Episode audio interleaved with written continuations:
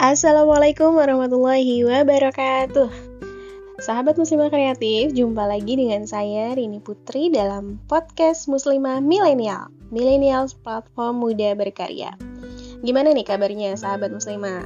Nah, mudah-mudahan cuaca dingin seperti ini nggak buat teman-teman jadi flu ya Nah, saya sendiri lagi agak-agak flu nih. Mudah-mudahan kita semua diberikan kesehatan yang sempurna sama Allah Subhanahu wa taala.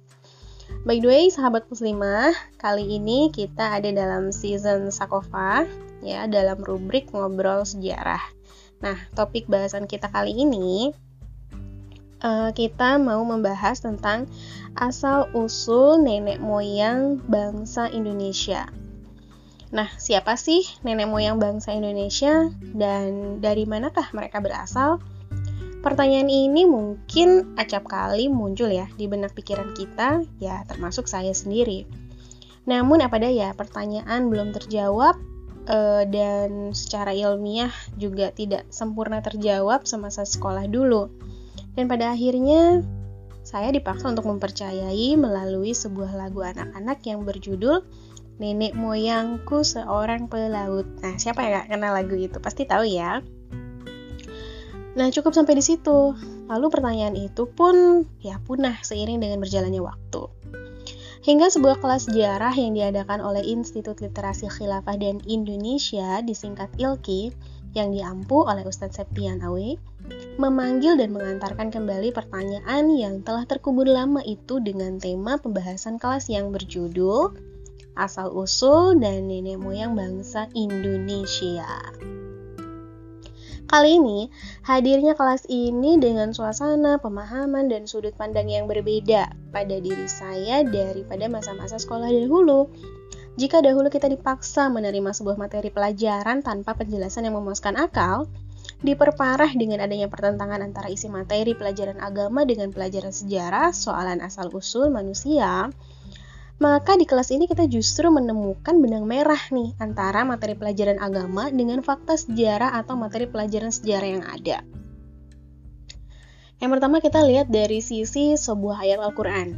Nah, pembahasan diawali dari salah satu surat yang terdapat dalam Al-Quran. Allah Subhanahu wa taala berfirman, A'udzu billahi minasyaitonir rajim. Bismillahirrahmanirrahim. Wa ja'alna dzurriyyatahumul baqin. Uh, dan kami jadikan anak cucunya orang-orang yang melanjutkan keturunan dalam Quran surat As-Saffat ayat 77. Dalam ayat ini Allah Subhanahu wa taala mengatakan bahwa Allah menjadikan anak keturunan atau anak cucunya Nabi Nuh sebagai orang-orang yang melanjutkan keturunan ke seluruh penjuru dunia. Oleh karenanya, Nabi Nuh dikatakan sebagai bapak seluruh umat manusia setelah Nabi Adam. Semua keterangan Nabi Adam di muka bumi ini nasabnya kembali kepada ketiga anak Nabi Nuh yaitu Sam, Ham, dan Yafid. Jika demikian, maka pertanyaan selanjutnya yang muncul adalah bagaimana perjalanan keturunan Nabi Nuh sampai ke tanah Nusantara hingga menjadi cikal bakal penyebaran umat manusia yang ada di Indonesia, juga bisa menjadi asal-usul nenek moyang bangsa Indonesia. Nah, beberapa teori dan fakta sejarah mengungkapkan hal tersebut, dan inilah benang merah yang menjadikan sebuah keterikatan di dalamnya. Jadi berdasarkan teori asal-usul nenek moyang bangsa Indonesia nih, ya kita lihat dari sisi geografis. Indonesia memiliki kondisi geografis yang sangat unik. Salah satunya karena memang diapit oleh dua benua dan dua samudra. Indonesia menjadi tempat pertemuan beberapa lempeng besar, yakni lempeng Eurasia di barat, lempeng Indo-Australia di selatan, dan lempeng Pasifik di timur laut. Oleh karena kondisi geografis yang unik dari Indonesia ini, yang membawanya ke dalam kemunculan ketiga teori besar soalan asal-usul nenek moyang bangsa Indonesia, yaitu yang pertama. Catat nih ya, yang pertama teori Yunan. Teori Yunan ini berpendapat bahwa asal-usul nenek moyang bangsa Indonesia berasal dari Yunan, sebuah wilayah Tiongkok Selatan. Um, orang-orang Cina kuno dipercaya masuk ke Nusantara melalui hulu-hulu sungai besar yang ada di daratan Asia. Pada akhirnya, teori ini dianggap tidak akurat dan lemah karena hanya melihat pada bukti-bukti kesamaan secara fisik dan temuan benda-benda bersejarah yang mirip saja. Oleh karena itu, digunakan pendekatan lain dalam menggali asal-usul nenek moyang bangsa Indonesia, yakni dengan pendekatan kebahasaan. Nah, kita masuk ke teori yang kedua, yaitu teori linguistik. Teori linguistik ini berpijak pada studi ilmu linguistik Dr. Uh, Korn, uh, seorang ahli bahasa yang meneliti sebanyak 113 bahasa daerah di Indonesia pada tahun 1899. Penelitian ini membawa kepada suatu kesimpulan bahwa keseluruhan bahasa yang digunakan oleh suku-suku yang ada di Indonesia ternyata berasal dari satu rumpun yang sama, yaitu rumpun Austronesia uh, sorry Austronesia. Uh, teori ini kala itu dianggap lebih kuat nih ketimbang teori yang sebelumnya yaitu teori Yunan. Terus ada lagi teori yang ketiga yaitu teori genetika. Nah, seiring dengan majunya perkembangan ilmu pengetahuan dan teknologi, maka pendekatan lain e, juga dilakukan untuk mengetahui asal-usul nenek moyang bangsa Indonesia, yakni dengan pendekatan genetika. Teori genetika ini berpijak pada penelusuran asal-usul manusia berdasarkan dengan penelitian kromosom maupun DNA-nya. Dari hasil sebuah penelitian yang dilakukan pada tahun 2018 terhadap 3.700 orang di Indonesia yang berasal dari 35 etnis berbeda, diketahui bahwa semuanya memiliki kecocokan genetika dengan bangsa Austronesia.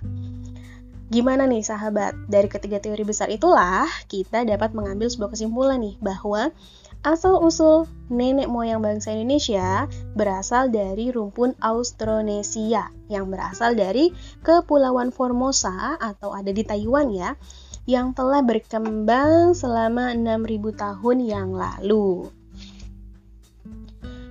Oke, sahabat muslimah kreatif, kesimpulannya nih ya bagaimana kaitannya dengan firman Allah Subhanahu wa taala yang terdapat dalam Quran surat As-Saff ayat 77 yang tadi saya bacakan, yakni saat Allah menyebutkan bahwa anak cucu keturunan Nabi Nuh akan melanjutkan keturunan.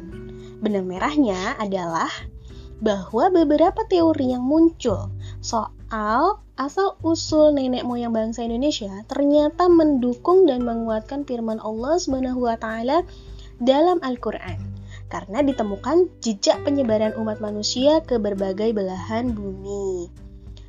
Kerumunan rumpun Austronesia yang berada di Taiwan itu diketahui merupakan anak keturunan Nabi Nuh dari anaknya yang bernama Yafits bin Nuh yang melakukan migrasi hingga ke wilayah Nusantara. Keturunan Yafits bin Nuh ini memiliki ciri-ciri warna kulit yang kuning dan merah. Sementara Diketahui pula bahwa wilayah Nusantara sendiri telah berdiam penduduk asli yang memiliki ciri-ciri berkulit gelap dan kelabu. Penduduk asli Nusantara ini merupakan anak keturunan Nabi Nuh dari anaknya yang bernama Ham bin Nuh.